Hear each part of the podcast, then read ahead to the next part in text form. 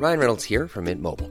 With the price of just about everything going up during inflation, we thought we'd bring our prices down. So to help us, we brought in a reverse auctioneer, which is apparently a thing. Mint Mobile unlimited premium wireless. Ready to get 30, 30, bit to get 30, bit to get 20, 20, 20, bit to get 20, 20, bit to get 15, 15, 15, 15 just 15 bucks a month. So, Give it a try at mintmobile.com slash switch. $45 upfront for three months plus taxes and fees. Promo for new customers for limited time. Unlimited more than 40 gigabytes per month. Slows. Full terms at mintmobile.com.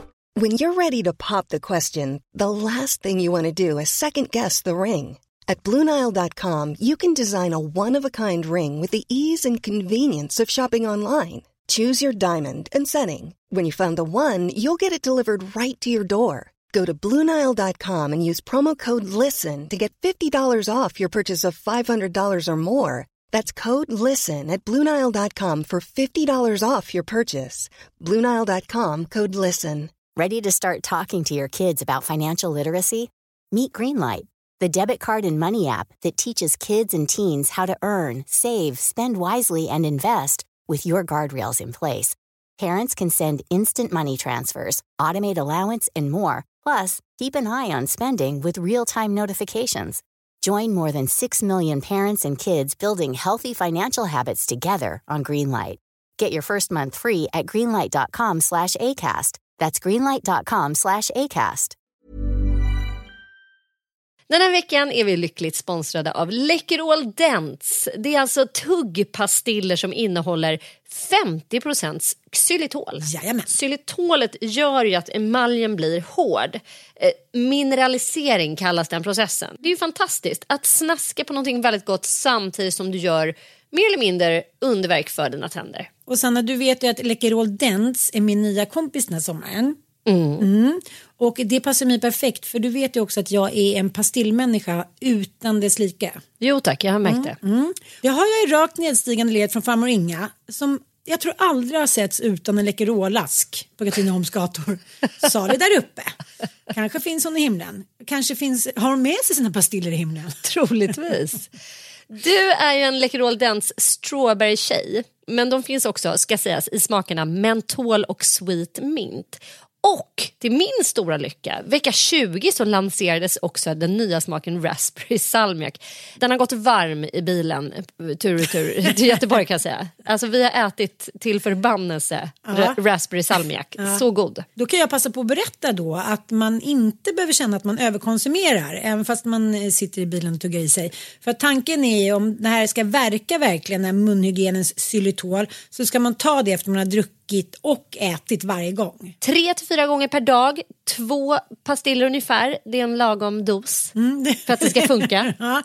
Och jag tänker ju att Inga var ju, farmor Inga var ju riktigt smart. Hon insåg ju så tidigt att de här tabletterna också är Jag smarta. tror inte du ska tillskriva henne allt för mycket smarthet. jodå.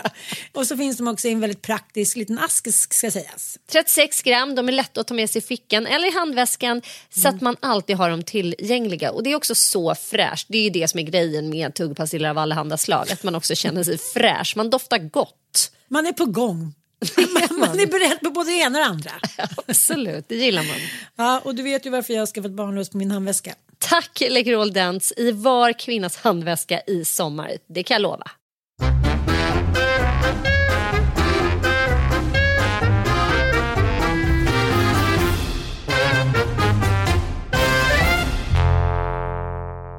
Hej och välkomna till Inte din morsa. Vi håller i, år ut och år in, varje vecka, i tid och otid, i väder och vind, i sol och torka. Var det typ en så här äh, peppramsa för dig Lite, själv? lite faktiskt. ja, när du och jag skulle börja podda, så Mattias var, där, var iväg på tennis, eh, min dator blev snodd igår. Åh gud, vilken jävla sån katastrof. Jävla, jävla katastrof. Men jag bara, de har tagit det de tyckte var hett i den där väskan. Och det var Mattias nya dator. Min gamla tröskverk tror jag. Så den har de spottat ut sig på stranden någonstans. Men ehm, du vet, det kändes, så låg jag ute på piren och det är så här 30 grader. Och eh, vi, vi klubbade lite igår här på våfflan. Så jag kände bara lite så här, kan jag inte bara få ligga kvar och nana lite? För barnen var med några kompisar. Så bara, Nej, nu ska det poddas. Men sen när man väl kommer igång så är det ju underbart. Men det är väldigt sällan jag känner att jag tycker att det är jobbigt att gå upp och podda. Det är typ mikropenis, höll jag på att säga. Mikropenis, litet jobbigt. Jag har ringt om varandra några gånger. Du har ju dragit hem från ön. Ja, men jag fortsätter mitt uppdrag här som barnvakt till mina egna barn. Jag känner mig som en, så här, du vet, som en pappa som... Att man ska liksom vara barnvakt till sina barn. Det är man ju såklart inte. Men min sommar är ju liksom att vara ensam här med eh, tre barn. Och jag tycker det går väldigt bra hittills men man får liksom ställa in sig på att det inte blir särskilt mycket gjort. Nej. Mer än att bara så här, laga mat, tömma diskmaskiner och ett jävla mycket Instagram-scrollande. Ja, det, jobbar man på med. Fingerfärdigheten ökar nu sommar. Det- Vet du att jag har fått så Instagram-tumme? Jag vågar inte säga det. Alltså, Till någon annan än till alla hårt. som lyssnar på podden. Ja, men de kan nog förstå mig. Jag tror att kvinnor har större benägenhet att förstå eh, Instagrams... Liksom, eh, jag försöker hela tiden tala om för barnen och Micke att det här är en viktig funktion i mitt liv. Att jag faktiskt ändå inte läser tidningar längre, att jag inte eh, tittar på tv längre. Utan jag konsumerar i stort sett all min media via eh, telefonen. Mm, Eh, så, och dessutom jobbar jag ju faktiskt med det här. Precis, Det är precis. jätteviktigt för mig att göra research varje dag. Och, eh, mm, men det har i alla fall resulterat i då någon typ av jävla, typ tennisarmbåge fast i tummen. Och eh, ja, det kommer och går, små smärtor. Den är överansträngd. Nej, men du, vadå, använder du tummen som att du sitter och räknar sedlar? Du bara så slickar och bara... Nej men det är liksom någon del av underarmen som, eh, som får jobba hårt. Liksom då. Det kanske är för att jag håller i mobilen. Så kan det också vara. Liksom, att man har det här lilla klogreppet alldeles för länge. Ta, ta allt ni vill, ta mina barn, ta min man, men ta inte min telefon. Jag tycker det är så roligt att spotta grejer här nu eh, när man är på Gotland. Alltså semestermänniskor. Det är väldigt, väldigt spännande. Och jag tänker som för män då som kanske strebrar på eh, liksom, på ett annat sätt tycker jag än vad kvinnor gör. Jag tycker kvinnor generellt liksom sammanblandar och sammanlänkar jobb, fritid, barn, vänner på något sätt. Att det är liksom, det finns en annan gemenskap även om man kanske jobbar 9 to 5. Mm. Medan män, många män är väldigt inriktade på just det här att liksom då blir det semester och då, då ska pappa få ligga i, i hängmattan och grilla lite och så här. Och barnen ska vara perfekta och frun ska så här vara kåtglad och tacksam. Och så, så varje år så blir det samma sak. Att det är inte det. Det är lite som en förlängning av, av vardagen fast man liksom inte behöver jobba ungefär. Och det blir så chockartat för många människor. Det är så här, jaha, nu blev det så här igen typ liksom att, ja, frugan ville socialisera och jag ville softa. Och jag har också tänkt på att Mattias har ju en otroligt stark föreställning om att han är liksom, vad ska jag säga, en tjuren Ferdinand som sitter under en ek och vill titta liksom, titta på sin ljudbok, höll jag på att säga. Fast jag tänkte idag så här, ja, men då var jag han som iväg och spelade tennis och det hitan och ditan. Jag, jag tycker att jag får liksom oförtjänt dåligt rykte. Han menar att du är det- överaktiv och han vill helst bara sitta och softa i, Ja. i en sol. Ja, jag fattar. Ja. Det där är Han ju bara, det är sjukt så intressant. skönt när du säger att du ska åka iväg. Jag ska säga, jag fick av, eh, när jag fyllde 50 då, så var jag överraskningsfest här på Gotland. Då fick jag av, eh, i födelsedagspresent av Sannisen, ja, vår Sannis, Anita och Ninna att vi ska åka till Aten i fyra dagar. Och då enligt Mattias så är han så här, så glad när du säger att du ska åka någonstans. Jag bara, va? då tycker han så här, då är det semester på riktigt. När frugan inte är hemma liksom. så rubbad. Men sen så visade det sig, så kom Ossian, eh, ja, men, min son då. Och han jobbar ju här på Bruna Dörren. Han bara, jag noterar att din snus är slut Mattias. Notera att du inte har snusat idag. Du verkar lite stingslig typ. Han bara, jag åker iväg till affären. Vilken jävla drog det där är. Nej men känner du igen det där att män ofta vill liksom, om någonting inte blir perfekt eller bra, då är det liksom kvinnornas fel. Det är för mycket, det är liksom för hetsigt, det är för mycket socialiserande.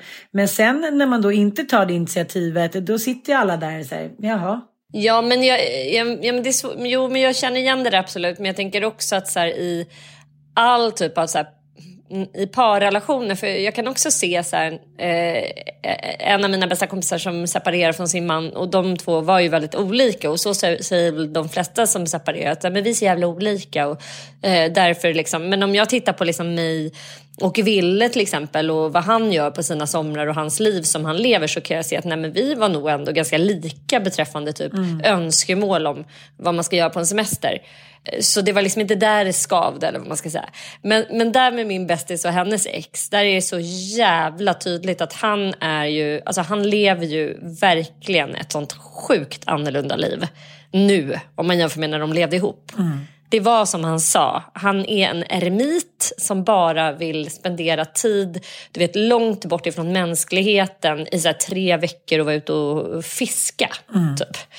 Och där, jag menar, då kan man känna att där var det helt riktigt att det här paret eh, delade på sig. För att det hade de inte kunnat få ihop riktigt. Liksom. Och det tänker jag också med någon som är så extrem friluftsmänniska och, och någon som eh, gillar liksom storstads weekendsemestrar typ. Alltså där är det också svårt att få ihop det om man inte delar på det. Om man dessutom också gillar att så här, hänga med sin partner typ. Men ja, men jag, jag kan också känna igen ett manligt drag tycker jag är också att män eh, eller också så här, i alla typer av grupper att ofta finns personer som inte är så sugna på att göra planeringsjobbet. För det är ett jävla jobb att veta så här, nu har vi fem veckors semester. Vad ska här göras för att alla ska ha det lite kul, soft och vi inte ska bli typ ruinerade och minnas, göra något minnesvärt typ. Men det är en ganska tuff uppgift att komma på alla de här grejerna.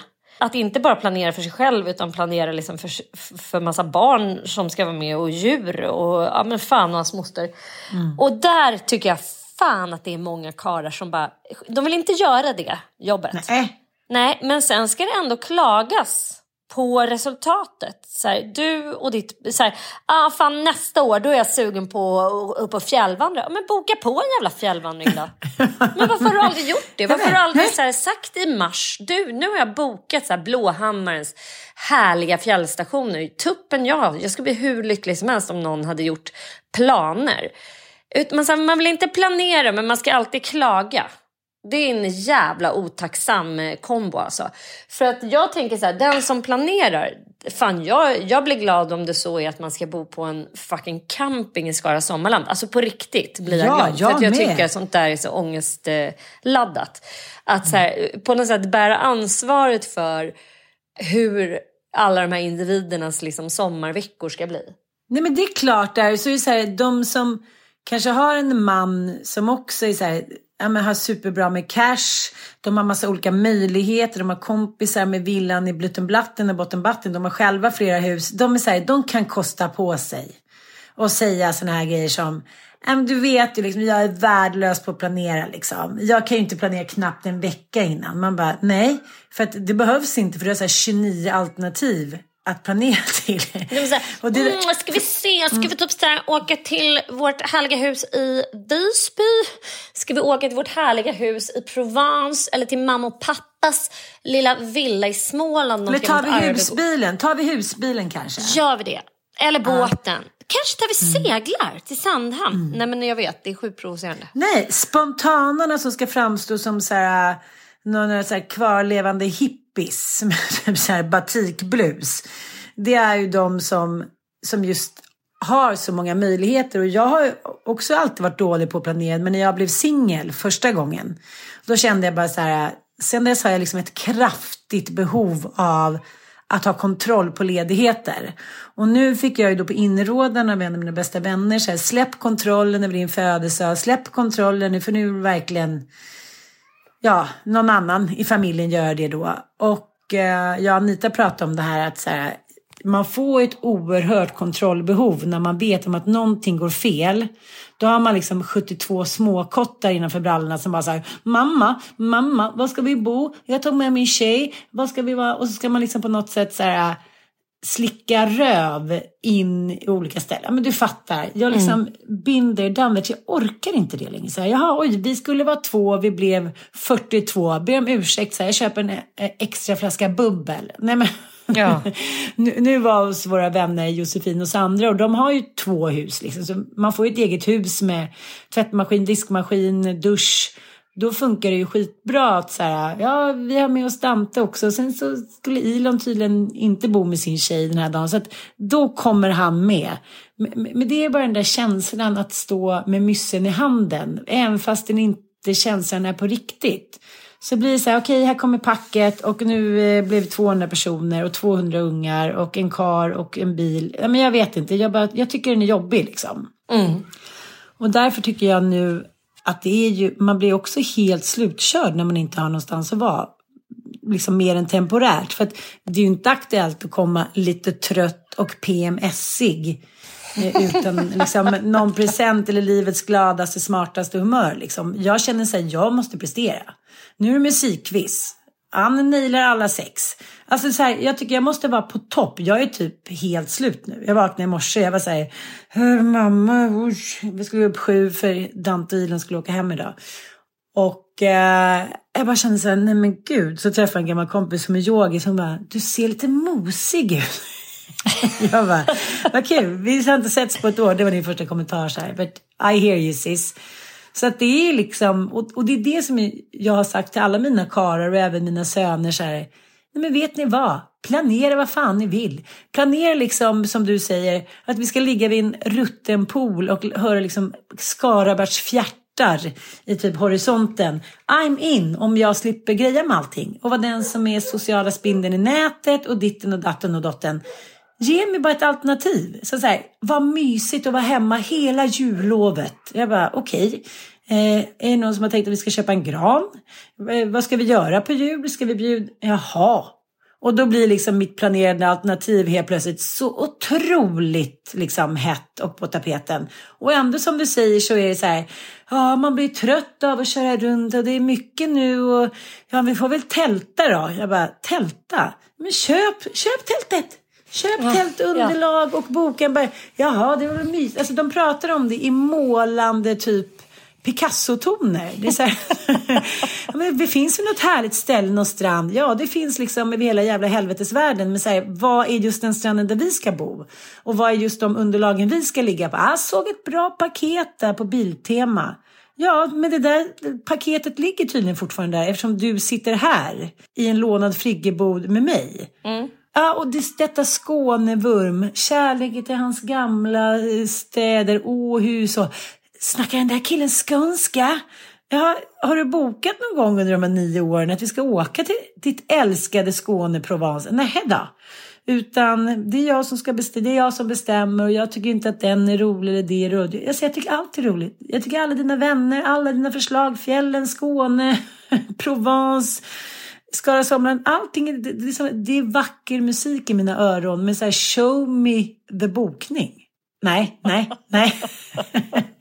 men du och jag har ju pratat om det här innan. Men det är så här, ja. äh, intressant, intressant alltså. Jag kan inte, jag kan inte alls eh, beskylla min man för att inte vara en bokare eller liksom planerare. Jag tycker han är ganska bra. Alltså han försöker ändå han försöker ändå planera sina grejer. Han är liksom förser oss med olika ställen att vara på och sådär. Men där, däremot ja. så är han eh, mer åt det hållet tycker jag att vi är ganska olika på vad vi vill göra. Jag vill ha sevärdhet, Alltså jag är generellt så trött på så här manligt eh, testosteron och eh, jag, vill, jag vill inte med bestämda att hävda att det finns jättemycket biologiska skillnader mellan män och kvinnor. Och hade du frågat mig för liksom 15 år sedan innan jag hade tre pojkbarn då skulle jag bara tycka att allt hade med fostran och miljö att göra. Men jag är lite beredd att omvärdera den tesen för att de här tre mansbarnen jag har, alltså de är ju fruktansvärt ointresserad av allt sånt som jag tycker är kul. Mm. Hästar, typ eh, ruiner. Ja, men jag fick dem lite så på hugget. Jag, jag, vill gå in i vackra kyrkor. Eh, jag vill, så här, jag vill förk förkovra mig i svensk historia. Så är vi på Gotland vill jag liksom så här, men vi åker in och kollar. Eh, liksom, kan vi inte gå en så här vandring, alltså en guidad vandring på ringmuren? Alltså du vet, de är bara så här, vad pratar hon om den här människan? Och eh, det roligaste var ändå att Igor hade ju åkt i förväg till Gotland och var tillsammans med tre polare eh, och bodde själv på, i stugan på Stenstranden. Och det här tyckte jag var ett initiativ som jag ville liksom, nej men jag ville att han skulle göra det här. Ja, för att han är en liten bekväm latmask som inte jättegärna liksom, han, gör inte så mycket tokigt men han gör inte så mycket alls, så kan man säga. Mm. Så att här skulle det cyklas och de skulle hyra cyklar och så här. Och det här blev ju liksom en succé. Han var väldigt upprymd och Jaha. hade väldigt kul. Ja, de hade sjukt roligt. Men ja. de var fyra grabbar och det uppstod på dag tre, som det ofta gör när man är ett gäng, en konflikt med en av killarna. Så hans mamma ringde mig och var så här, ja tyvärr, han, de blev osams och, och han hade en ganska klar bild över varför. Och eh, han skulle ändå dra hem, för han hade, hans föräldrars vänner var i Visby. Så, så han, han drog hem. Och jag blev ju så här, ville ändå börja lösa reda i det här. Jag ville veta att det verkligen mm. stämde, att det inte var något jobbigt som hade hänt. Liksom att inte min son hade varit inblandad i det eller drivande som någon liksom mobbar. Så, så jag började ju då med en regelrätt utfrågning. och ja, ja. Eh, då var ju Lo med också. Jag bara, men kan du inte berätta vad var det som hände egentligen? Så här. Och de liksom båda två stirrar på mig och är så här, vad fan är det för jävla keff frågor du ställer? Alltså dina jävla frågor, alltså du är så jävla jobbig. Man bara, uh. men vad, vad, är det som är så jobbigt med mina frågor? Alltså, det, det, det, det är känslomässigt, känslomässigt jobbigt. Mm. Det är känslomässigt att försöka förstå och liksom hantera en konflikt ur flera människors perspektiv. Men framför allt så är det också så här, en ganska, som jag kan tycka, manligt befriande blick på den här konflikten. Att så här, det var inte hela världen. Vi blir lite osams. Vi snackade jag om fattar, det. Det är bra nu. Mm. Du behöver inte liksom hålla på och grotta. Vad fan är din grej? Mm. Mm. Förlåt, nu bytte don't jag rum. Don't make it bigger. Nej, men don't make it bigger. Och så håll inte på att rota och göra en höna av en fjäder. Mm. Eh, men då fick jag också så här, bara en känsla av att så här, åh, var är mitt flickbarn? Var är min mm. mamma? Var är liksom mm. mina kvinnliga mm. släktingar? Jag vad är de som vill, som vill gegga i såret? Ja, vad är de som vill gegga eller liksom försöka läka såret? Liksom, eller, alltså det är klart att det är ett geggande men det kan ju också vara ett sätt att här, försöka, försöka hitta eh, sätt att undgå att sår ska uppstå framåt. Och sen finns det ju något otroligt intressant i liksom att tycker jag, försöka dechiffrera varför uppstod de här konflikterna. Jag vill inte hitta någon syndabock men så här, det var ju ändå en snubbe som åkte hem. Alltså, hade vi kunnat undvika det? Hade vi kunnat liksom bli mm. sams innan dess? Men bara ett exempel på att så här, män och kvinnor tror jag faktiskt kan vara ganska olika och de är också så här, jag har fostrat dem, jag har haft väldigt mycket hand om dem. Margita, min kompis, var här innan vi åkte till Gotland. Hon är så här, det är lite en speciell situation. Det är lite som att du är ensamstående. Jag bara, ja det är det. Det har ju faktiskt varit väldigt stor del av deras barndom. Eh, i, inte alltid men, men i långa perioder. Liksom. Nu är ah. Micke borta i fem veckor så det är klart att jag har haft extremt stor impact på deras fostran. Och ändå ja, är de som två neandertalare. Mina mm. två Nej, mellansöner. Alltså fullständigt ointresserade av känslomässigt dravel, som de kallar det. Ja, men någonting som har blivit lite bättre. För att jag, min äldsta son, eller Ossian, har ju varit intresserad av, han är intresserad av känslomässigt dravel. Eh, Ilon eh, Ugg Ugg Södlund har ju varit så här, men titta så här, sluta, ja, men lite liksom som sin far så här. Det måste ske på hans villkor när han vill liksom få utlopp för något annat än sina egna behov. Vare sig det gäller liksom spela spel eller äta en biffteka på, på tre kilo. Men nu har jag en flickvän som är dels supersmart och ganska liksom, emotionellt mogen och som ställer krav på honom.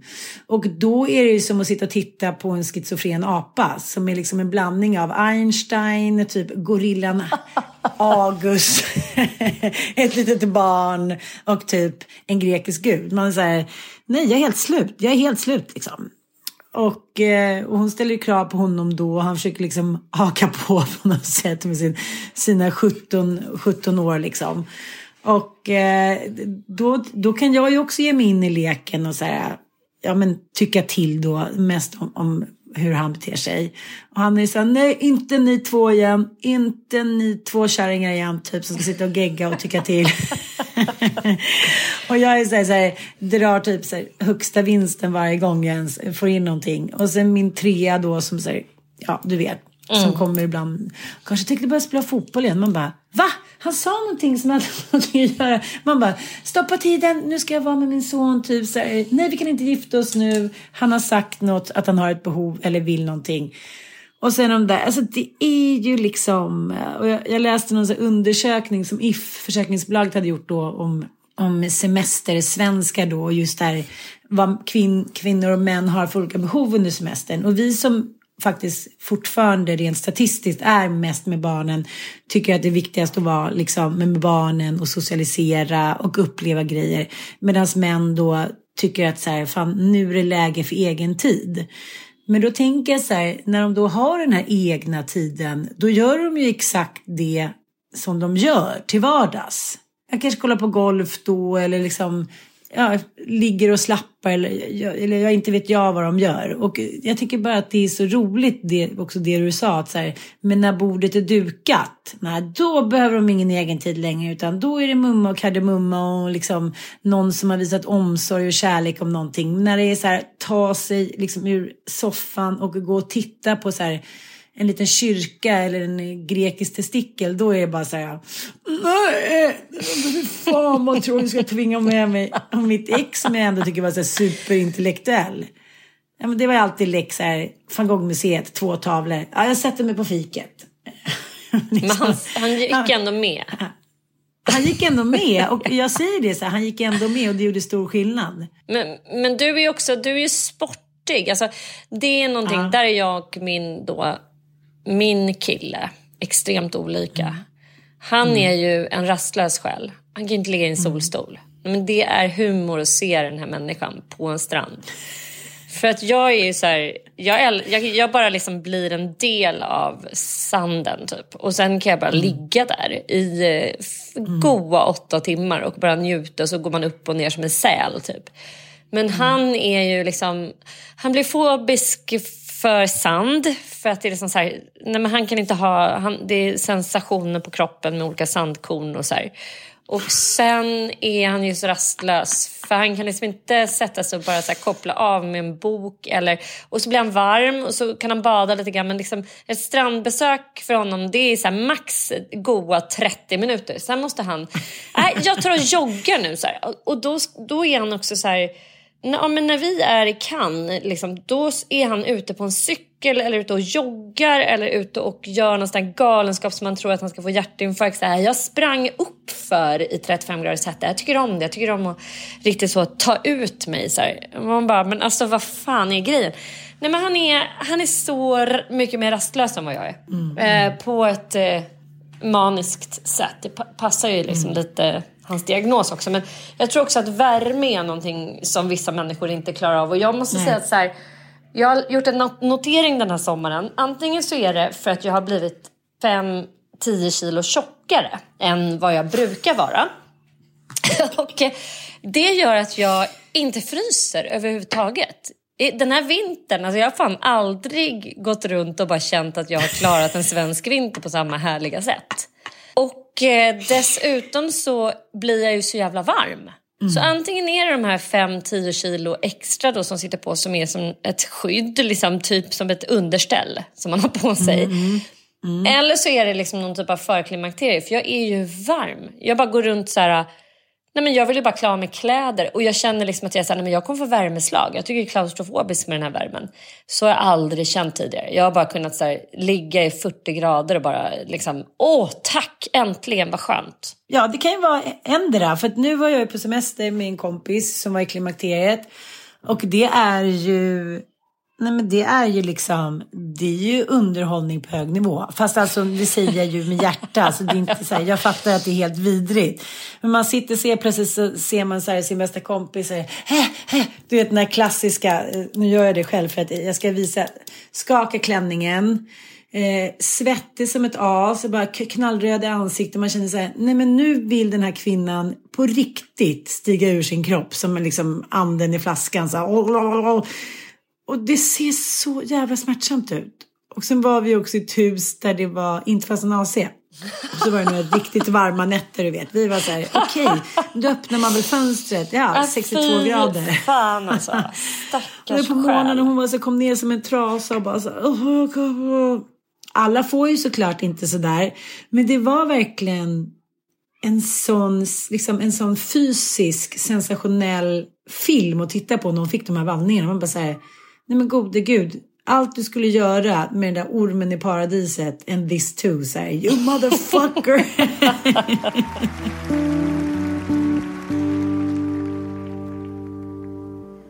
Tell me something, boy.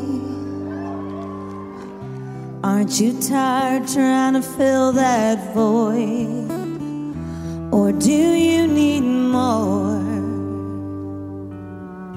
Ain't it hard keeping it so hardcore?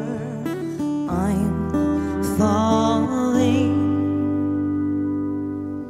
In all the good times, I find myself longing for change.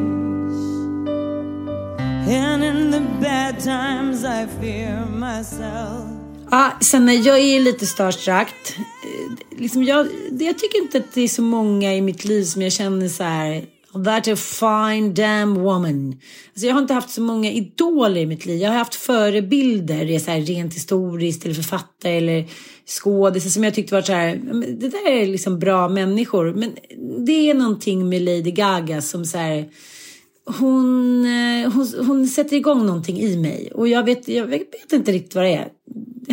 Det, jag tycker bara att hon är liksom... Hon lyckas balansera på rätt sida galenskapslinan på något sätt. Det behöver inte vara så här... När hon gör någonting sensationellt, då gör hon det för att det passar henne och för att hon faktiskt har ett statement. När hon kommer till liksom en gala i så här fläskfiléklänning eller lövbiffklänning. Då är det för att hon har ett statement, inte för så här in bed with Madonna. Jag kan onanera med så här 95 lösfingrar och ändå vara het. Alltså, det är liksom, jag tycker hon så här kombinerar sitt konstnärskap med politik och liksom hon pratar jävligt mycket om psykisk ohälsa, att vi måste prata om det och så här, om vi inte pratar om det ska man gå ett helt liv och så här, må skit. Men hon lyfter på lock, men hon gör det liksom inte för att vara en cooling eller för att få kvar i branschen. För att hon är så jävla begåvad. Hon vet så här, it ain't gonna be a problem, tror jag. Eh, och nu har ju hon varit i Stockholm och spelat. Och eh, eh, har du sett A Star is Born? Ja, såklart. Men jag har också sett en, en dokumentär om Lady Gaga som går på Netflix som handlar om hennes så här, kroniska smärttillstånd. Alltså hon har ju typ fibromyalgi och depression. Och, alltså så här, hon har så frukt, såna fruktansvärda smärtor konstant hela tiden. Liksom. Och, och dokumentären utspelar ju sig under liksom ett år när man får följa henne. Ja, den är så himla sorglig på det sättet att man liksom också så här, den, när man plötsligt förstår så här, hur ensamt det där Hollywoodlivet är. Åka runt på så otaliga lanseringsturnéer och turnéer och bara finnas till hela tiden med sitt utseende så mycket som kvinna. Och, eh, också att hon så skriver och producerar så jävla mycket av sin musik. Så man får liksom följa med när hon åker och så här, vilket, hur det verkligen är som ett så vanligt jobb. Hur hon så här, pallar sig iväg till studion och så här, ska leverera sina senaste små slingor som hon har typ kommit på. Nej, men det, det, den är faktiskt eh, otroligt sevärd men där får man också någon slags känsla av att så här, vilket jävla ensamt och konstigt liv det där är. Det är inte eh, konstigt alltså att man blir eh, riktigt sjuk, alltså psykiskt sjuk av att vara så ung och hamna i den där miljön med så mycket konstiga människor som vill tjäna väldigt mycket pengar på en och så här. Nej, jag tycker hon är grym och, eh, och men hon är liksom, eh, hon har ju sagt massa grejer om psykisk ohälsa men någonting som eh, liksom fastnade lite i mig det var att hon sa så här, snälla nedprioritera inte er mentala hälsa. Det är så viktigt att ta hand om det som sker i era, era huvuden och era hjärtan. Och just det där att man liksom är en nickdocka och man ställer upp på allting. Och så, så, så, så jag började säga nej, jag gör inte det, jag vill inte, jag tar inte den där bilden, jag går inte på den där galan, jag kan inte stå för det där. Och sakta men säkert så kom jag ihåg vem jag var. Jag kunde se mig själv i ögonen och känna att det här var en person som var modig och som hade integritet liksom, och som hade orken att stå emot. Och jag tänkte, vi pratade om det för några poddar sedan. Eh, att det var en svensk eh, skådespelerska som var så här, ja men som uttalade som att hon ställde inte upp på vissa grejer och Tuva Novotny. och sådär. Att, ja, Tuva Novotny. Ja. Och då kändes det så här, nej, men lätt för dig att säga då som är så här, verkar ha mått bra, är råhet, en av Sveriges snyggaste kvinnor, en av Sveriges mest begåvade. Men det är någonting med Lady Gaga, att när hon säger någonting så- är det liksom, det finns någonting bakom som hon själv har genomlevt och någonting som hon själv har liksom lidit sig igenom och kommit ut på andra sidan. Jag tycker det är... Jag tror en, en, en stor del med henne det är liksom att så här, Lady Gaga är inte normsnygg. Och det låter ju helt bisarrt att säga det för hon är ju skitsnygg. Men Ja. om man jämför med alla andra som ser ut som dockor och som är typ nästan utskurna Mm. dockor så är hon inte normsnygg. Och hon har liksom ett par bröst som inte är så här ett par perfekta silikontuttar som sticker ut på en pinsmal kropp. Liksom, utan hon har faktiskt ett par hängbröst.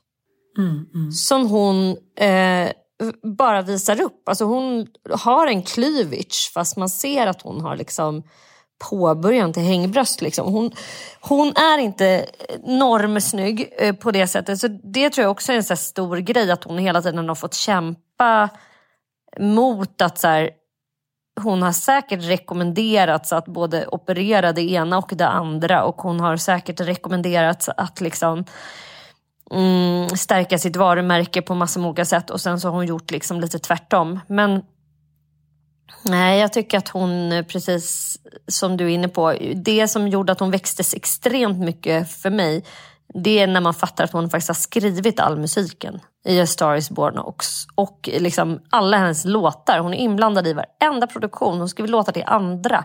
Hon är liksom en sån jävla hitmakerska.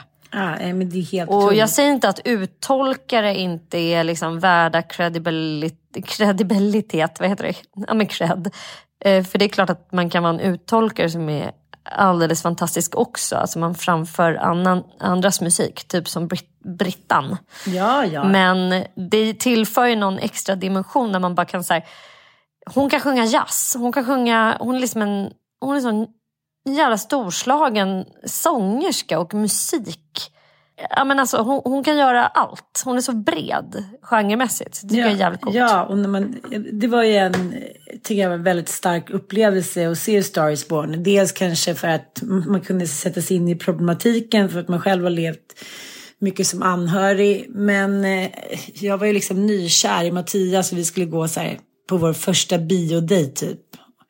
Och jag, vet, jag skrek, grät och skulle liksom, du vet som det är när man, när man inte tycker att det är rätt läge. Som till exempel första gången jag skulle vara utan barn under julen och jag så här, satt i baksätet med, med Bobo på väg upp till Sälen och Mattias föräldrar och grät i fem och en halv timme utan att låta. Jag bara säger, vad kan jag nu bita i? Ingen whiskytrasa, jag får bita mig i läppen. Jag, får jag kände så här, det är hans barn, det är hans barn är liksom åtta månader, det är hans första jul. Jag kan liksom inte sitta här som ett vrak och skrikgråta. Och eh, det var exakt det när jag såg i Star is Born. Han var så här, ja, ska ut och se på bio, sen ska vi ta en drink och typ hångla lite och sen kanske det blir åka av typ. Jag var så här, äh, som ett åbäke. Snorade. Du vet när man får så ont i halsen när man ska hålla sig från att gråta. Man bara... Herregud, nej, det, var, det var en stor upplevelse tycker jag. Och han, Alltså sån jävla gråtfest. Inte klokt, herregud. alltså. Och hunden på slutet och han som är så snygg så att man så här, eh, samtidigt som nu när man ser lite i här, bakvattnet så är det en otroligt romantiserad bild av kärlek och alkohol. Ja men det är det ju och det är en otroligt romantiserad bild av liksom eh, eh, så rock'n'roll-livet liksom. Men eh, samtidigt, jag som ändå kan gå i god för eh, hur rock'n'roll-liv kan se ut bakom så att säga ridåerna. Så jag tycker inte att den är helt oäkta. Alltså jag tycker nog ändå att de har lyckats skildra någonting. Att så här, det är ju ett yrke som Mm. Alltså skådespelarna har ju varit inne på liksom hela sin metoo-grej men liksom lycka till att vara en rock'n'roller som försöker leva liksom ett veganskt hälsoliv. Mm. Det går liksom mm. inte. Hela grejen med att vara liksom en rockartist går ju ut på att vara typ impregnerad i liksom brännvin i stort sett. Mm. Eh, och dö ung och liksom eh, psykisk ohälsa är liksom inte ens någonting man funderar över. Det är bara liksom inskrivet i pannan på en från mm. födseln. Typ. Och då blir man en så här, alltså den typen av rockartister. Jag tänkte på det att så här, rocken ta mig fan håller på att dö. Liksom, för att när vi växte upp och under hela 90-talet när grungen var jättestor, Kurt Cobain och Pearl Jam och liksom eh, alla de här stora rockbanden som blev liksom världsstora och lika stora som Beyoncé och, och Lady Gaga och alla popartister är idag. Alltså de var ju helt synonyma med liksom eh, supertrasiga liv och mm. det var mer regel än undantag att de dog när de var alltså, genomsnittsåldern 27. Alla var ju det när de dog. Mm. Alltså, den typen av så här, rock håller ju på att liksom dö ut. Jag vet inte om det är for, for a good cause eller om det är sorgligt att det inte existerar längre. Och jag undrar vad, de, vad, vad vi kommer titta på det liksom kulturhistoriskt med historiska glasögon. Att så här, ja, under 1980 och 90-talet, 70, ja, från 60 till 90 liksom, då fanns det en genre med liksom självutplånande rockartister som söp och drogade ihjäl sig när alla var 27 år gamla. Mm, mm. Det är ganska knäppt egentligen. Jim Morrison och... Jo, jag vet. Men sen så tänker jag så här att det finns ju några som liksom har gått igenom det där och klarat sig till andra sidan. Ta till exempel men Rolling Stones. Jag såg ju någon, ja. eh, nej men alltså han är helt sjuk. Jag såg några videoklipp med honom. De är ute på världsturné nu ju. Ja, som de alltid är. Ja, men, nej, men du vet, jag garvar så mycket när jag ser den där gammgubben trilla omkring. Jag tänker så här, hur är det ens möjligt att han kan röra sig på det där sättet?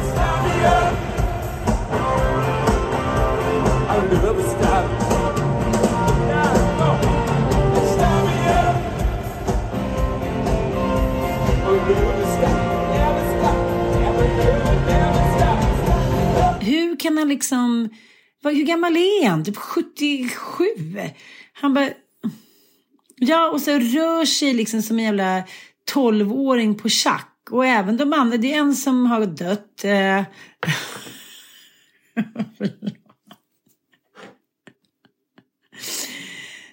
Nej, men jag bara satt och kollade på det här klippet på Instagram. Jag bara, här, jag bara kollar igen och igen. Och de bara så, här, så de tittar på varandra, du vet så här skälmskt. Som så här, unga killar som är på sina första, så här, har sina första spelningar. Vi var ju på en liten spelning igår här våra kompisar som har Våffelmagasinet hade ju en, sin första konsert. Och då var han som, eh, men han var med i hovet och eh, Elias Hurtig. Han eh, mm. eh, hade sin liksom, första spelning, man ska säga. Vi kan väl lyssna lite på hans musik. Vad kul att vara här ikväll. Och jag hoppas att ni mår bra. Och, shit. Nästa låt är eh, typ den första låten jag skrev. Alltså det här var då spelning på Våffelmagasinet för 150 glada typ eh, stinna Brommabor och deras eh, eh, välfixade ungar typ. Det var ju jätte, jätteroligt. Men då när jag kollade på den här Mick Jackie-grejen så tänkte jag så här, nej men de, de är fortfarande lika taggade. De tycker att det är lika ja. roligt som den här killen Hurtig som har sin första enskilda spelning liksom. Och då blir jag så här, mm. jag fattar inte hur det är möjligt. Och då känner jag så här, det är ju källan till evig ungdom och evigt liv. Det är ju så här, gör du tycker blir roligast och kämpa som ett svin för att bli bra på det. With some talent och typ lux. Jag vet inte om jag kan ge Mick Jagger att han har så jävla mycket lux. Men eh, det blir bara så otroligt tydligt liksom. De kollar på varandra också i bandet så här, det garvar till lite så här. Man bara, nej men det är okej, vi kan bli ihop. Vi kan ligga. Du går teater, vi, vi kör på. Hur härligt det är med människor som är passionerade, att man, liksom, man får slåss lite för det också. Det kommer ju verkligen inte gratis. Liksom. Nej, eh, det är i alla fall en fascinerande både så här genre och en fascinerande tid. Och så här, hur liksom den det åldersmässigt också är så här, ja, men han framstår som att han fortfarande är så här 27 och aldrig har liksom utvecklats därefter mm. på något sätt. Liksom. Utan där är han kvar. Och det är också någon slags, i så här, rockmusiken bärs ju så mycket av någon slags kåthet. Ja, ja. Alltså det ska vara liksom den eviga eh, påsättaren mm, som står där med och sin... Då måste man ju vara smal. Ja, det, och det är ändå så... Man måste vara smal. man måste liksom... Ja, men det är ju ändå extremt fascinerande. Men han har ju också varit smart. Ja. För att han har ju... Du vet den där scenen i Sex and the City när... Eh, hon, Samantha dejtar den där miljardären som är typ 92 år och eh, hon tycker är så roligt. Here's a cool fact. A crocodile can't stick out its tongue. Another cool fact, you can get short-term health insurance for a month or just under a year in some states. United Healthcare short-term insurance plans are designed for people who are between jobs, coming off their parents' plan, or turning a side hustle into a full-time gig. Underwritten by Golden Rule Insurance Company, they offer flexible, budget-friendly coverage with access to a nationwide network of doctors and hospitals. Get more cool facts about United Healthcare short-term plans at uh1.com. Ryan Reynolds here from Mint Mobile. With the price of just about everything going up during inflation, we thought we'd bring our prices down. So to help us, we brought in a reverse auctioneer, which is apparently a thing. Mint Mobile unlimited premium wireless. Have to get 30, 30, bit to get 30, bit to get 20, 20, 20, bit to get 20, 20, bit to get 15, 15, 15, 15 just 15 bucks a month. So, Give it a try at mintmobile.com/switch. slash $45 up front for 3 months plus taxes and fees. Promo rate for new customers for limited time. Unlimited more than 40 gigabytes per month slows. Full terms at mintmobile.com. Ready to start talking to your kids about financial literacy? Meet Greenlight, the debit card and money app that teaches kids and teens how to earn, save, spend wisely, and invest with your guardrails in place. Parents can send instant money transfers, automate allowance, and more. Plus, keep an eye on spending with real time notifications. Join more than 6 million parents and kids building healthy financial habits together on Greenlight. Get your first month free at greenlight.com slash ACAST. That's greenlight.com slash ACAST. One size fits all seems like a good idea for clothes until you try them on. Same goes for healthcare. That's why United Healthcare offers flexible, budget friendly coverage for medical, vision, dental, and more. Learn more at uh1.com. De har så kul, han är på gång, de hånglar, hon är så här wow, det här är liksom gammgubben med sting typ. Och han ska hålla på och klidra med sin Viagra och sen så ska de ligga och då eh, går han ut i badrummet och ska dra i sig sina liksom, tabletter för att få upp Nopedoni. Och då hänger hans röv, du vet. Ja, men som med två mm. skinnflikar som ligger Ja. Den berömda hängröven. Och hon bara så här, hon får sån otrolig panik. Det, det, jag vet inte ens om den scenen skulle kunna spelas in idag på grund av att allting är ju rasism. Åldersrasism, rasism, fotbollsrasism, matrasism, bla bla bla. Men då, går hon, och då får hon panik och så bara tar hon den här diamanten för två miljarder och liksom slänger ner i champagneglaset. Typ springer därifrån med så panikångestattack och bara att det är någonting Mick Jagger har gjort. Att han har ju inte visat sig själv på bild. Alltså han har kläderna på. Ikonen, vi ska, nej men vi ska ha bilden av att han är 32 och liksom har skinn och ben men ändå att det sitter på rätt ställen. Han, liksom, han har ändå varit listig tycker jag. Mm, jag tror att han är råsmart. Ja. Jag tror också att hans liksom, jag tror att han är slipad eh, och jag tror, inte, jag tror han kör mest av de där gubbarna veganskt och liksom ja. friskt och mm. fräscht. Ja. Och en liten joggingtur innan varje spelning. Och, nej men det tror jag. Men den som har varit mest renlevnad, adelsmannen med samma fru och ett, ett barn. Adelsmannen, han gråhåriga som trummisen. Charlie Watts. Precis. Han var ju den som Men är inte han död? först. Jo, han var ju den som coolade först. Jo. Ja, han är liksom... Ja, såklart. Den mest städade. Ja. Han bara trillade pinn. Ja, herregud. Men jag tänkte på det, vi käkade ju middag med Sigge och Malin. Vi var ju grannar med dem, Sigge Eklund och Malin Eklund. Och eh, vi var ju grannar med dem förut på landet. Och så här, ja, nu träffade vi hemma hos eh, Sandra och Josefin eh, där vi skulle käka. Och då kom ju liksom Sigge direkt från eh, en spelning på House Mafia, typ på Ibiza och så här. Living La Vida ah. Loca. Och eh, det funkar ju. Man bara så här gud vad spännande och "Ja, nu ska han berätta om det här i podden och hit och dit. Men eh, han frågar efter dig och lite så här och tycker det var spännande och jag tyckte det är lite roligt när... Du, du skrev ju till mig, Mm. du skickade ju en gullig bild på er två. Och, eh, och så skrev du, han gillar vår podd. Älskar, tack. Han älskar. älskar vår podd. Försök inte vara Och berätta, det här är ändå, det här är ändå storslaget skvaller. Jo, men han har ju berömt oss förut. Att, vi, att han tycker att vi är modiga. Och vi har ju tagit upp liksom lite bråk som har varit med Sigge och Alex. Och, ja, men vi pratar ju om dem lite då och då. Både liksom eh, Rise and Rose. Det han sa som jag tyckte var så härligt. För det har varit en, liksom en debatt lite senaste månaderna. De har fått lite... Kjell Hägglund skrev ju en artikel så här. Varför kan inte svenska kulturjournalister eller liksom förståsigpåare ge Alex och Sigge mer cred?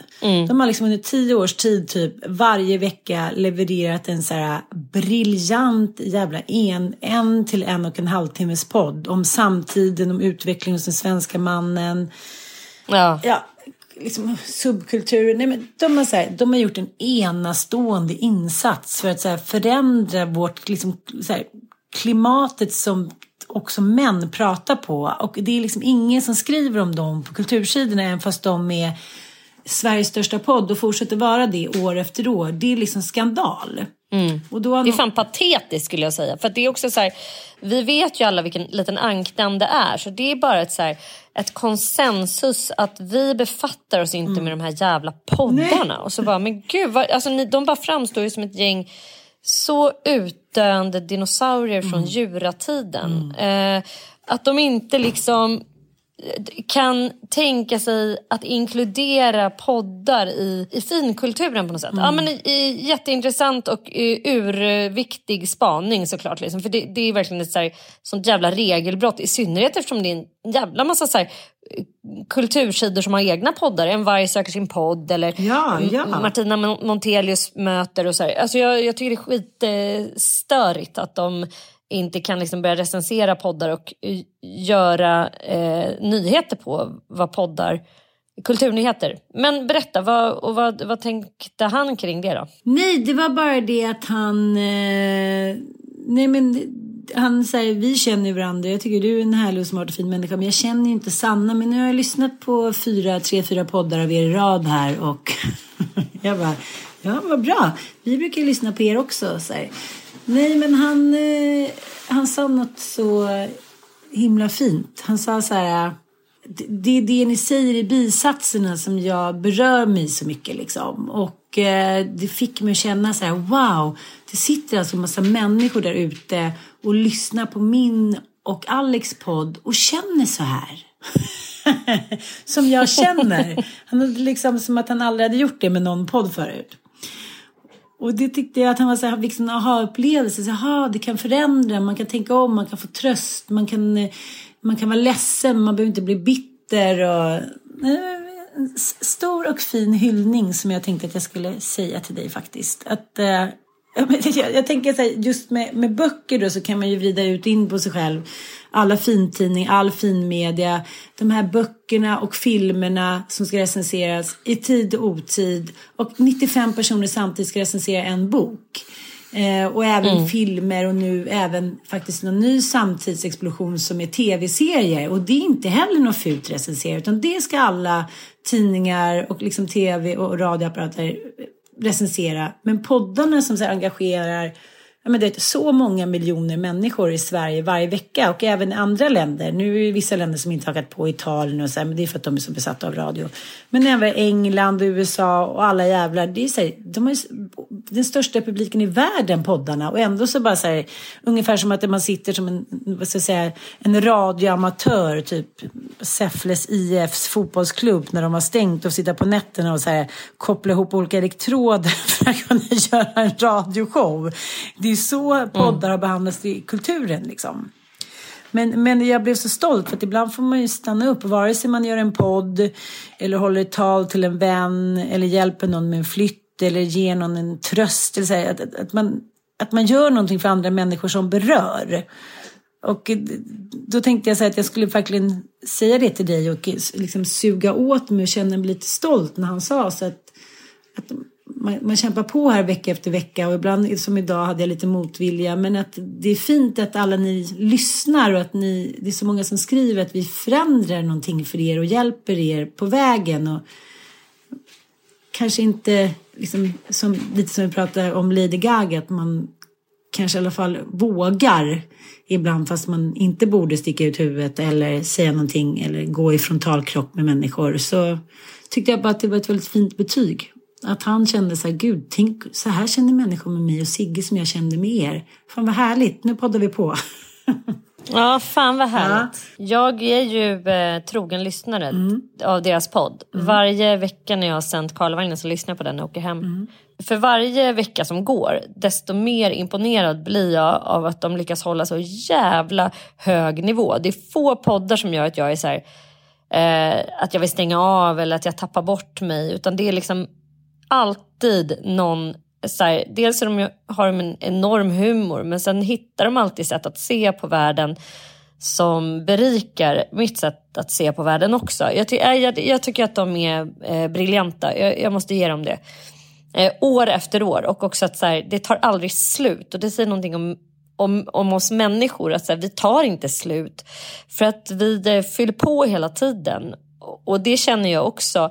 Det är skillnad faktiskt från när jag skrev krönikor, för där kände jag så här, men nu tar det slut det här.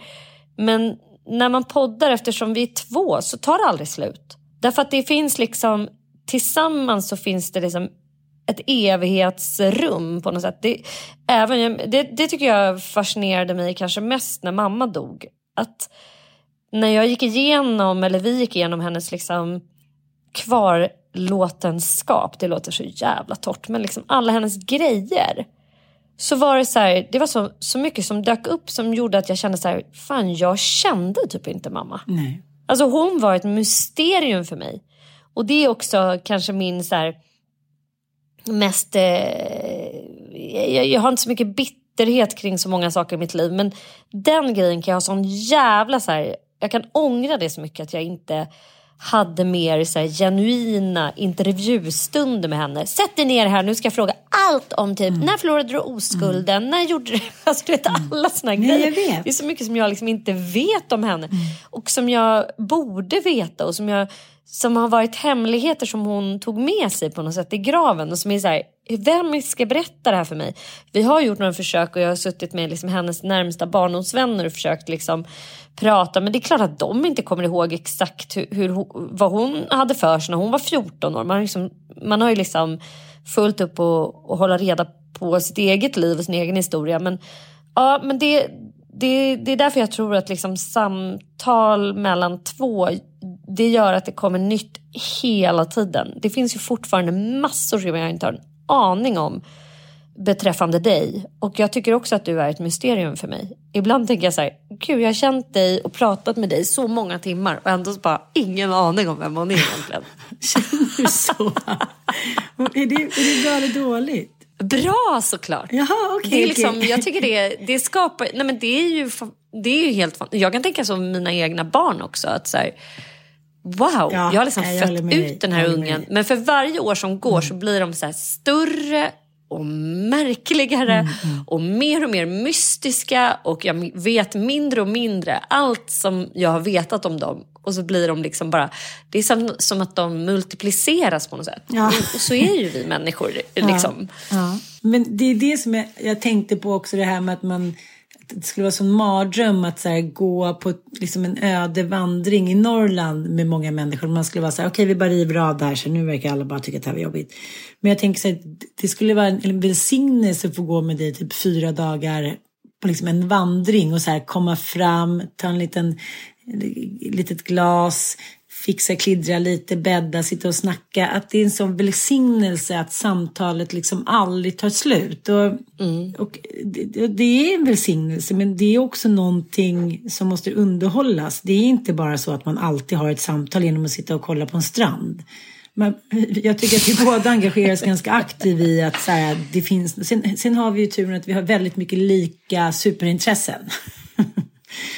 Ja men det, så mm. är det ju. Och sen alltså sen att vi är svampar, det kanske också är en förutsättning. Och vi kanske inte ska, alltså vi kan ju ändå få slå oss själva lite för bröstet och säga att det väl liksom finns en anledning till att, att vi poddar på. Liksom, Det kanske inte alls alla som skulle som är som vi, Nej. som är som så absorberande svampar som bara liksom måste få prata ut om veckans händelser. Plus historiska händelser, plus olika så psykologiska teorier beträffande våra egna liv. Som vi trots så här, femte jordsnurr eh, senare inte har liksom lyckats eh, komma fram till. Vi jobbar på det. Vi, vi måste ta min sista spaning för veckan för jag blev liksom så knockad av det igår kväll. Ibland dyker det upp grejer som man bara shit det här måste jag snacka med Anna om i podden. Och igår kväll så satt jag, jag följer ju Lady Damer. Så från Lady Gaga nu till Lady Damer. Ja. Eh, som jag slaviskt har följt och vi har ju tagit upp henne flera gånger i podden. För hon gör ju ofta roliga liksom, inslag i verkligheten. eh, Är hon för mig i alla fall. Det började ju med hennes podd. Nej, hennes blogg och sen poddar hon ju eh, Mordisk stämning tillsammans eh, med eh, eh, Fami som ju är, är känd från tv, Unga mammor. Eh, hon har ju också ett fint Instagramkonto, de är jättegoda vänner. Men nu i alla fall så har båda de två fått ADHD-diagnos. Och båda har då eh, förskrivits Concerta i olika doser. Eh, och Lady Damer fick ju tydligen då en hästdos Concerta. För att hon har så kraftig ADHD enligt hennes eh, psykiatriker. Så hon började då medicinera med den här eh, hästdosen igår. Jaha, Och igår? gick då ut, i, ja igår Okej. måste det ha varit, eller om det var i förrgår. Och hon gick då ut på Instagram och lät oss alla följare vara med. Nej, men gud vad galet. Första medicinerade dygn typ.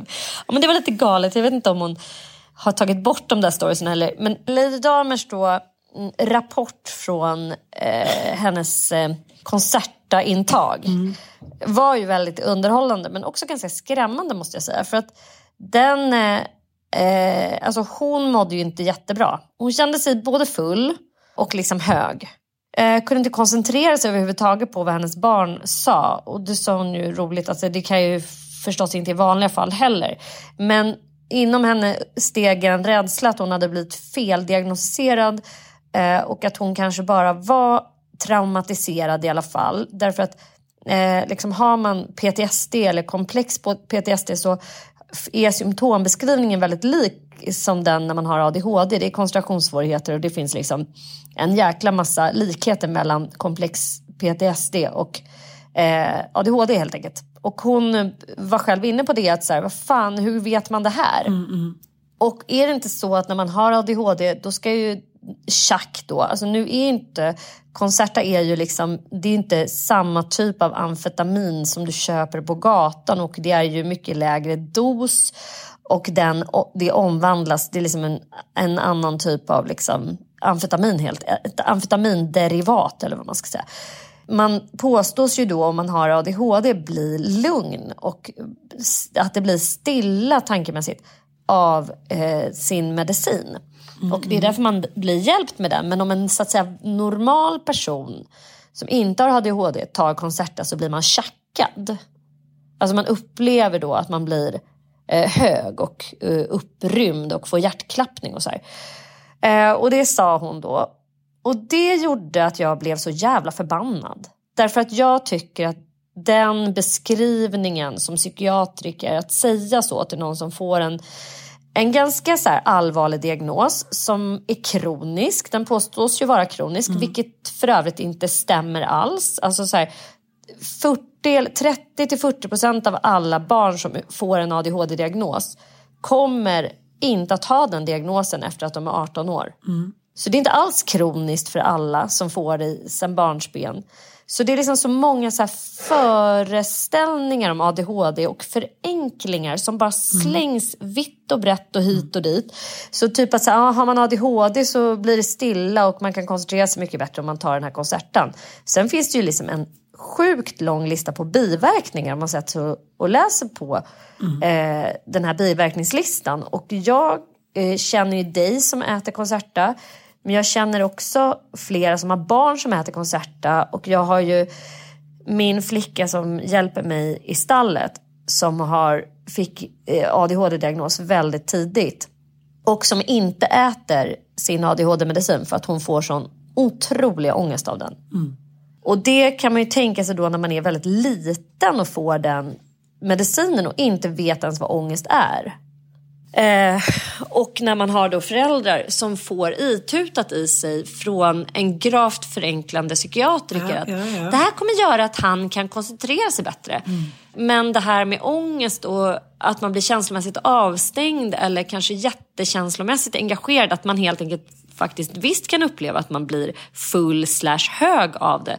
Det är det typ ingen som vill prata om för man vill liksom bara prata om det som är så bra med den här medicinen. Nej, men jag har ju sett människor som har blivit monster av medicinen. Ja, jag, alltså jag kan inte komma på en enda person som jag känner som har ADHD-diagnos som helt bekymmersfritt äter sin Concerta eller sin Elvanse och inte börjar, måste mixtra eller ha insättnings eller utsättningssymptom. Alltså, Alla jag känner verkar tycka att det där är ganska svårt med den där medicinen. Absolut. Och just Eller där... vad säger du? Du som ändå har både i familjen, tre, ni är tre personer som har ADHD.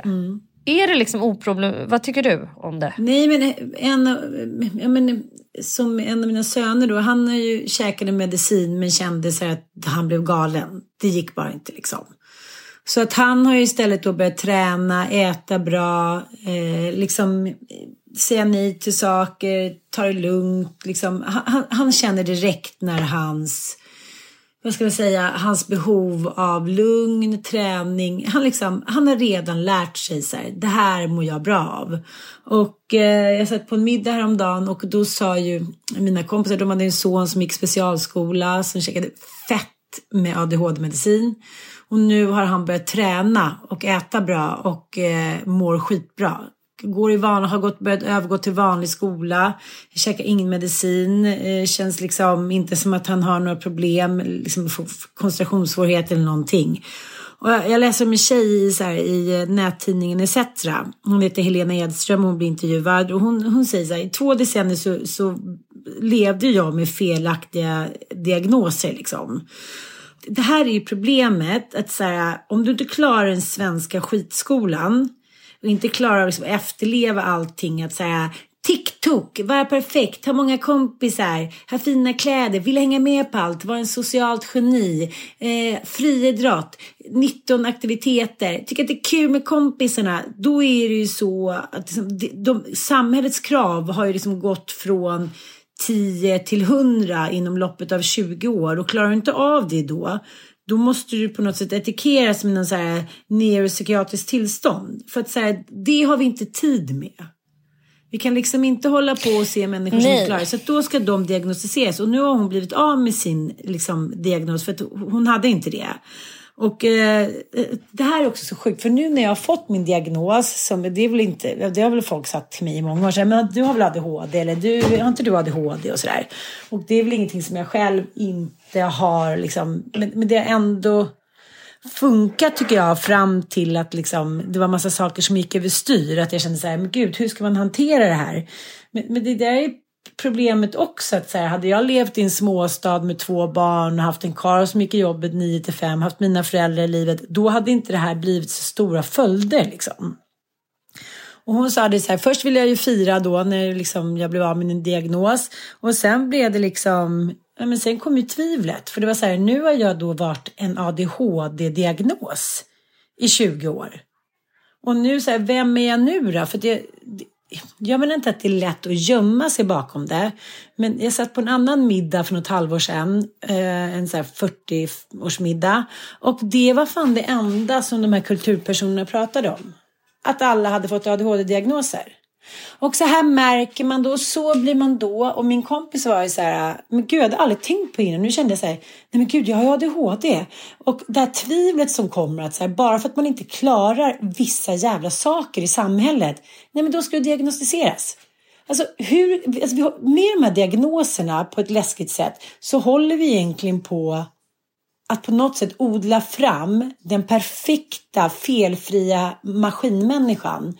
Och om du inte kan leva upp till det, Nej, då ska du diagnostiseras.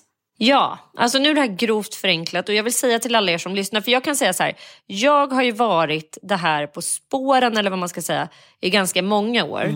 Eh, och enda gången som jag och Sigge egentligen har haft liksom, vi, vi har ju vi har ju känt massa människor, gemensamma vänner liksom till gemensamma kompisar. Min bästa kompis Jossan var ihop med hans polare Joffe och vi har liksom gått in i varandra. Så här. Men jag skrev eh, en kritisk tweet tror jag, eller om jag skrev ett blogginlägg när jag bloggade på mamma. Där jag tycker att det är märkligt att när man gör utre- ADHD-utredningar så eh, gör man inte en scanning på PTSD. Nej. Precis det som Lady Damer var inne på nu.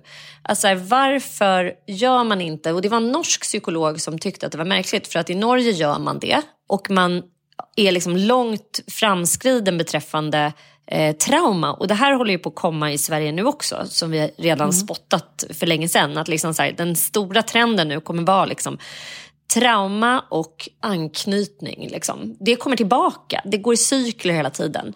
Och man ska veta också att så här, psykiatriker, de är inte psykologer.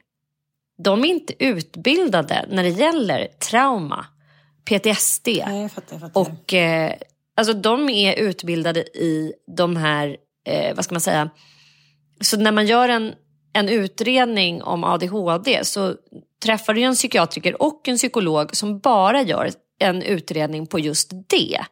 Så kan det ju finnas andra typer av problem som man då inte liksom scannar för. Eller vad man ska säga. Men jag, eh, Sigge blev extremt upprörd på mig och tweetade liksom vilken idiot jag var som var kritisk mot ADHD för han har en son som har den diagnosen. Mm.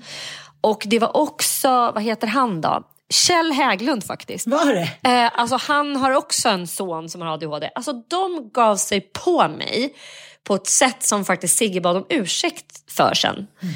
Eh, så här, hörni ta det lugnt eh, allihopa. Så här, gav mig inte loss på Sanna Lundell. Och jag skulle bara vilja påminna de här två herrarna om att det här hände. För att på den tiden, det här var väl tio år sedan, då var det liksom helt otänkbart att säga det som vi säger just nu. Att man kanske är lite kritisk till den här diagnos- överdiagnostiseringen. Men nu är det liksom andra som har uppmärksammat detsamma. Tidningen Filter gjorde ett helt reportage om alla de här människorna som vill bli av med si- sina diagnoser. ETC ett alltså det, ETC har gjort en jättestor, liksom, SVT gjorde ju en stor liksom, tre, en dokumentärserie i tre delar om den svenska skolan och alla då eh, föräldrar som har barn med NPF. Liksom att det handlar kanske inte bara om om de här diagnosbarnen utan det handlar ju också om du var inne på att liksom skolan har blivit så jävla snäv och kunskapsmålen är så höga helt plötsligt så att det finns så många som inte klarar de här målen. Såklart. Eh, ja, och jag menar, eh, det är också grovt förenklat och det är klart att det är billigt eh, att skriva ut ADHD-medicin istället för att låta någon gå i terapi i liksom tre år. Eh, eller få liksom, och det är det jag kan känna mig också lite så här kritisk mot. Du som har fått den här diagnosen, ja men du fick medicin, men har du blivit erbjuden någonting annat?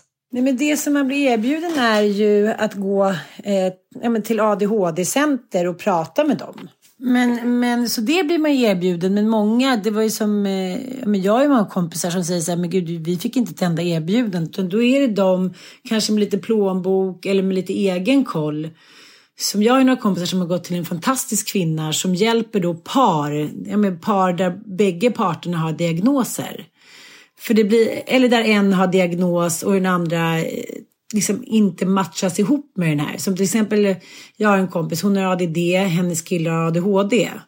När hon kommer hem då efter så här ett dygn av jobb eller vad det nu handlar om, dagis och bla bla, då är ju hon liksom ett vrak och är så här, vill bara sätta sig med en kudde och stirra rakt in liksom, ut i luften. Hennes kille här, okej då kör vi. Är det tennis? Ska vi sätta upp någon hylla? Eh, jag har bokat ett litet, litet hotell här. Jag tänkte vi skulle åka med barnen. Hon är så här, nej men skjut mig hellre.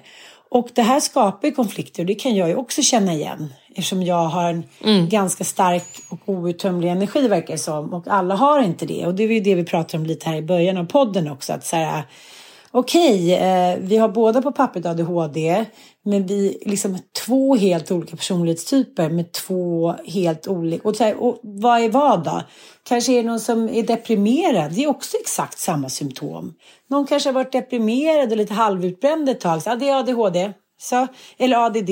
Alltså, just nu känns det som... Ja, eller om man har till exempel en ångestproblematik. Så Ja. ja. men det är vanligt att man har det när man har ADHD. Ja, men om man har en ångestproblematik då är det klart att man får koncentrationsstörningar. Ja, vem fan kan, Alltså, om man går runt och har liksom ganska hög är ångest? deprimerad? Alltså, man kan ju inte ens skriva en etta utan att typ falla ihop. Alltså, det går inte. Depression och kreativitet, det är ju dödens väntrum. Liksom. Men det som jag kan känna är att i början så kan jag liksom hålla med om lite som den här tjejen ETC vittnar om. Som man får en identitet. Jag hade massa kompisar som samtidigt fick det liksom. Ja, men nu ska vi bli hjälpta, nu kommer vi kunna betala räkningar liksom bättre, nu kommer vi kunna slutföra saker hit och dit. Men så började jag tänka så här, alltså, jag har inte så jävla svårt att slutföra saker. Det kan även vara tråkiga saker. Sen, men det här att människor inte får vara dåliga på någonting. Utan om man är dålig på en sak som av samhället anses vara lite bra. Ja, men då måste man få en diagnos nu för tiden. Och då känner jag så här, gud, det är ju helt... Och jag hör mig själv också så här, ah, men du har nog det, du har det. Jag vill också kategorisera människor för att det blir enklare för mig då att sätta människor i ett fack. Det är liksom som att det är istället för skvaller, istället för det gamla byaskvallret som höll oss samman, eller Gud som höll oss samman, eller traditioner, så är det nu diagnoser som för oss samman. Eller? Ja, och det kan ju också vara ett sätt att förklara. Jag menar, jag har ju diagnoser i min familj. Vi har ju inte ADHD-diagnoser här utan det är ju bipolär sjukdom. Liksom. Och det är klart att vi har blivit extremt hjälpta av att få diagnos. Eh, dels som anhörig att liksom kunna förstå varför en person faktiskt stundtals är ganska personlighetsförändrad. Och jag tror att det kan vara ganska hjälpsamt för den som har diagnosen också. Inte att skylla på det men i alla fall eh, slippa känna skam för att man liksom inte förmår eh, liksom shapea upp bara typ. Och sen att så här, i vårt fall att medicinering faktiskt har hjälpt väldigt mycket. Men det gör inte det för alla.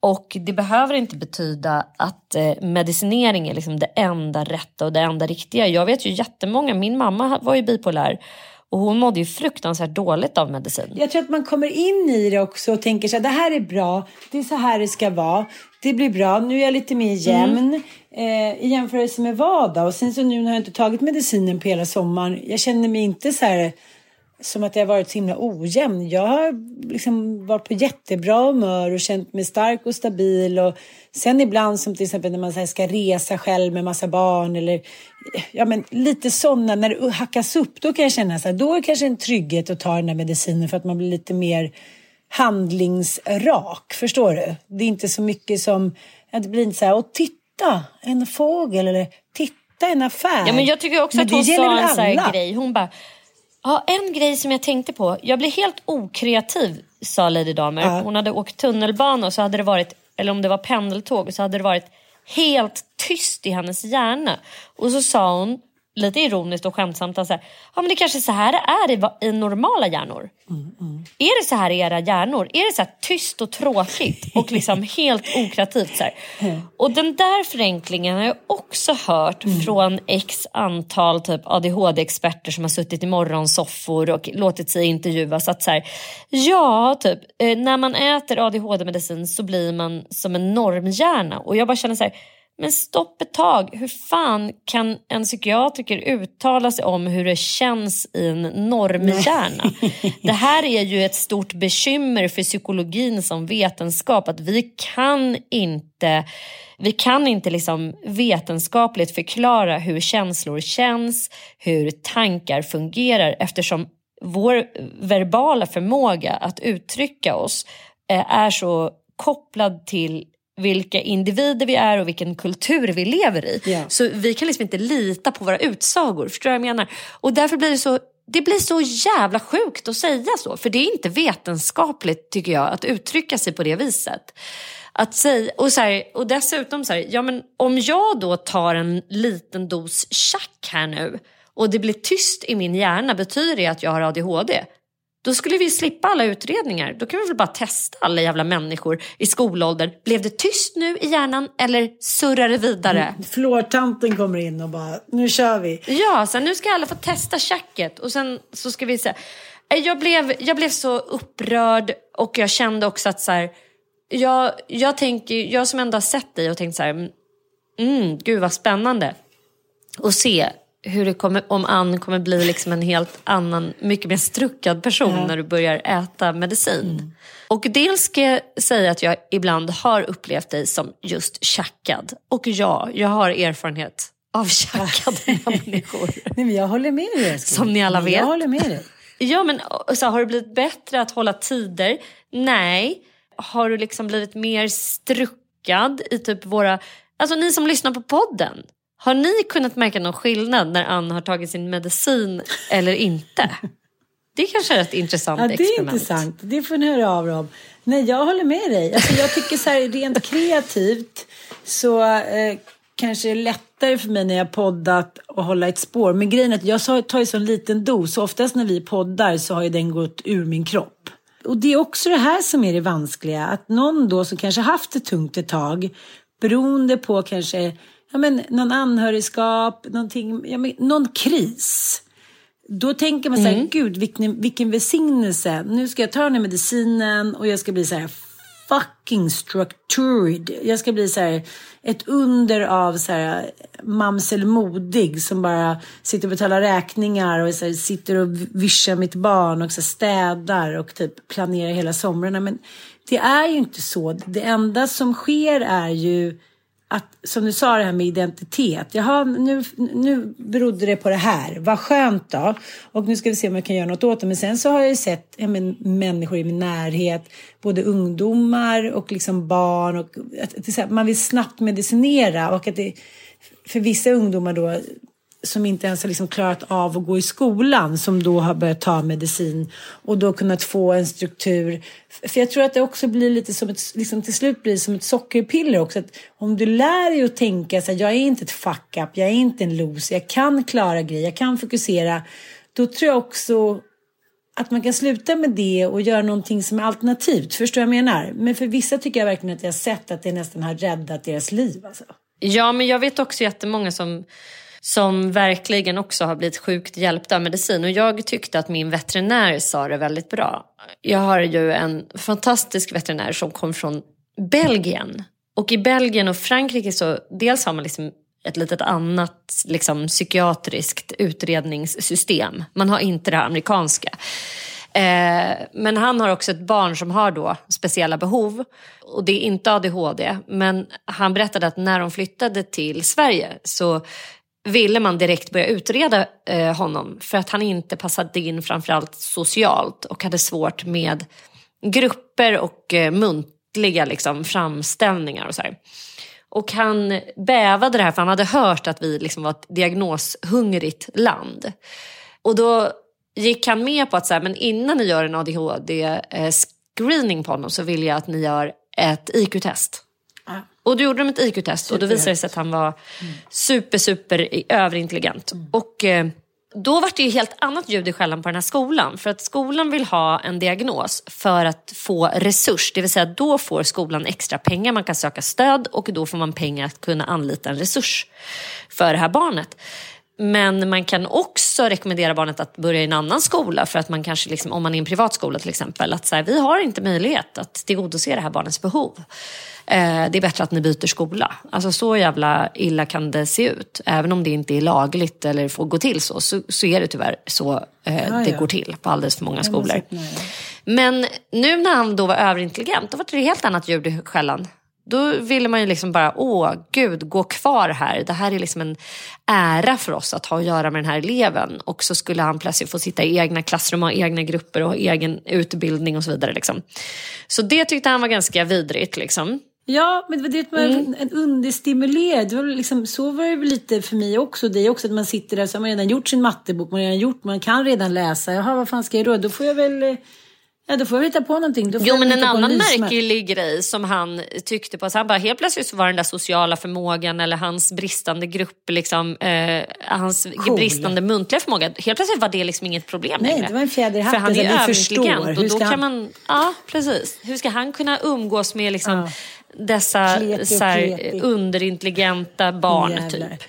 Eh, och han sa det ganska klokt, att så här, det här är precis lika stort handikapp för honom. Förstå eh, när man har ett så här, IQ på 170 och så ska man sitta och snacka med någon tjomme på, som ligger på 105. Alltså, han, hans liv kommer ju bli ganska så här, begränsat. att man liksom har ganska Så tråkigt. så här. att Han bara, vad snackar alla om? Men sen sa han en annan grej och det tänker jag kan få avsluta den här podden för att jag började då föra de här resonemangen med liksom så här, medicinering, är det verkligen bra? Så här. Men då sa han så här, ja det är klart att det är bra men alltså han bara herregud, är, det är det enda jag gör, jag är veterinär, jag skriver ut medicin.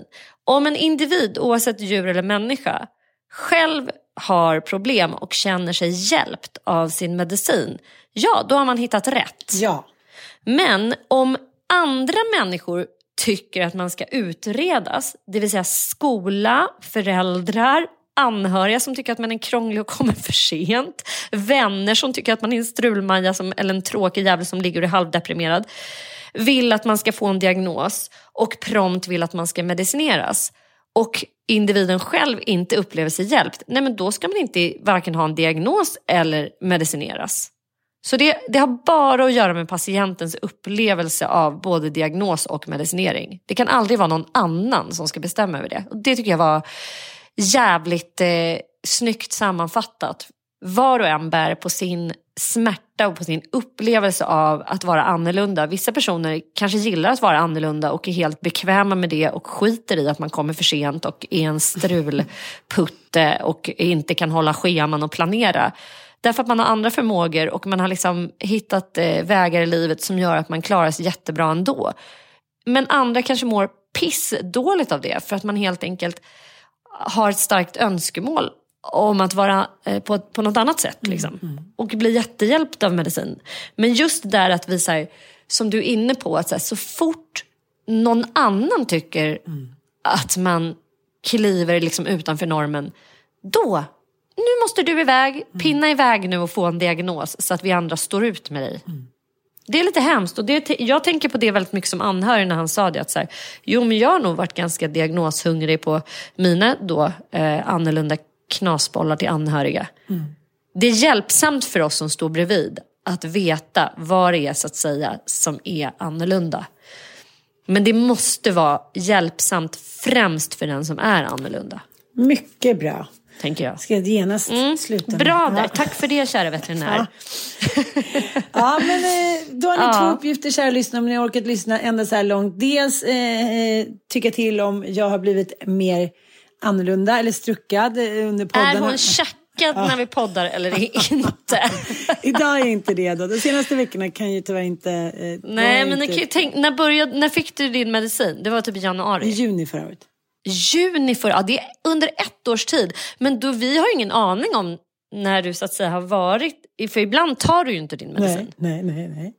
Nej, och det är det jag menar. Att jag, kan faktiskt, jag kan ibland uppleva att du är tjackad men jag kan inte, jag har väldigt svårt att, att märka att det ger liksom alla de här positiva bieffekterna som hävdas ska då tillskrivas medicinering. Där kan jag inte se riktigt eh, att någon jätteskillnad. Matt- Men jag kan Ma- däremot ja. se en del biverkningar. Ja. jag ska fråga Mattias också. Gud vad spännande. Vi gör en liten ADHD-utredning. Ja men med- gör Ja. det, gör det. Ja. Okej. Eh, ja, eh, Lady Gaga, eh, Sigge Fürst, Sanna, Ann och massa andra. Eh, hoppas ni har orkat vara med oss ända till det och har det så härligt där eh, när ni surrar runt i Sverige eller någonstans. Puss och kram! Puss och kram.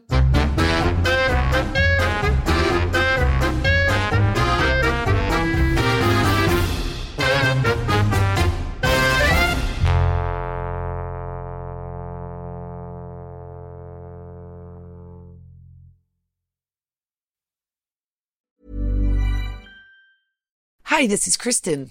And this is Jen from My Mom So Hard. And we're here to talk about By Heart. Do you remember when you were nursing and you were like, I want to give the best thing I can to my baby? Well, we've got that for you. It's called By Heart, and it is a infant nutrition company built from the ground up to deliver real innovation on behalf of babies and parents. Curious about ByHeart? Redeem your welcome offer at byheart.com slash podcast with code MOMS20 for a limited time. Additional terms and conditions apply. Tell them my mom so hard sent you. Imagine the softest sheets you've ever felt. Now imagine them getting even softer over time. That's what you'll feel with Bowl and Branch's organic cotton sheets. In a recent customer survey, 96% replied that Bowl and Branch sheets get softer with every wash. Start getting your best night's sleep in these sheets that get softer and softer for years to come. Try their sheets with a 30-night guarantee. Plus, get 15% off your first order at bowlandbranch.com. Code BUTTERY. Exclusions apply. See site for details. Hello, this is Danny Pellegrino, host of the Everything Iconic podcast, and I'm here to tell you all about Splash Refresher because hydration is mandatory, but boring is not. Now, I love my water, but if I don't spice it up, I'm not going to finish what I took out of the fridge. That's why I love my Splash Refresher, which is flavorful, delicious, bright, hydrating, and zero calories. The wild berry flavor is my fave. No, wait, is the pineapple mango flavor my fave? You know what? All five craveable splash refresher flavors are my fave because they're so delicious. So get hydrated and enjoy it with Splash Refresher.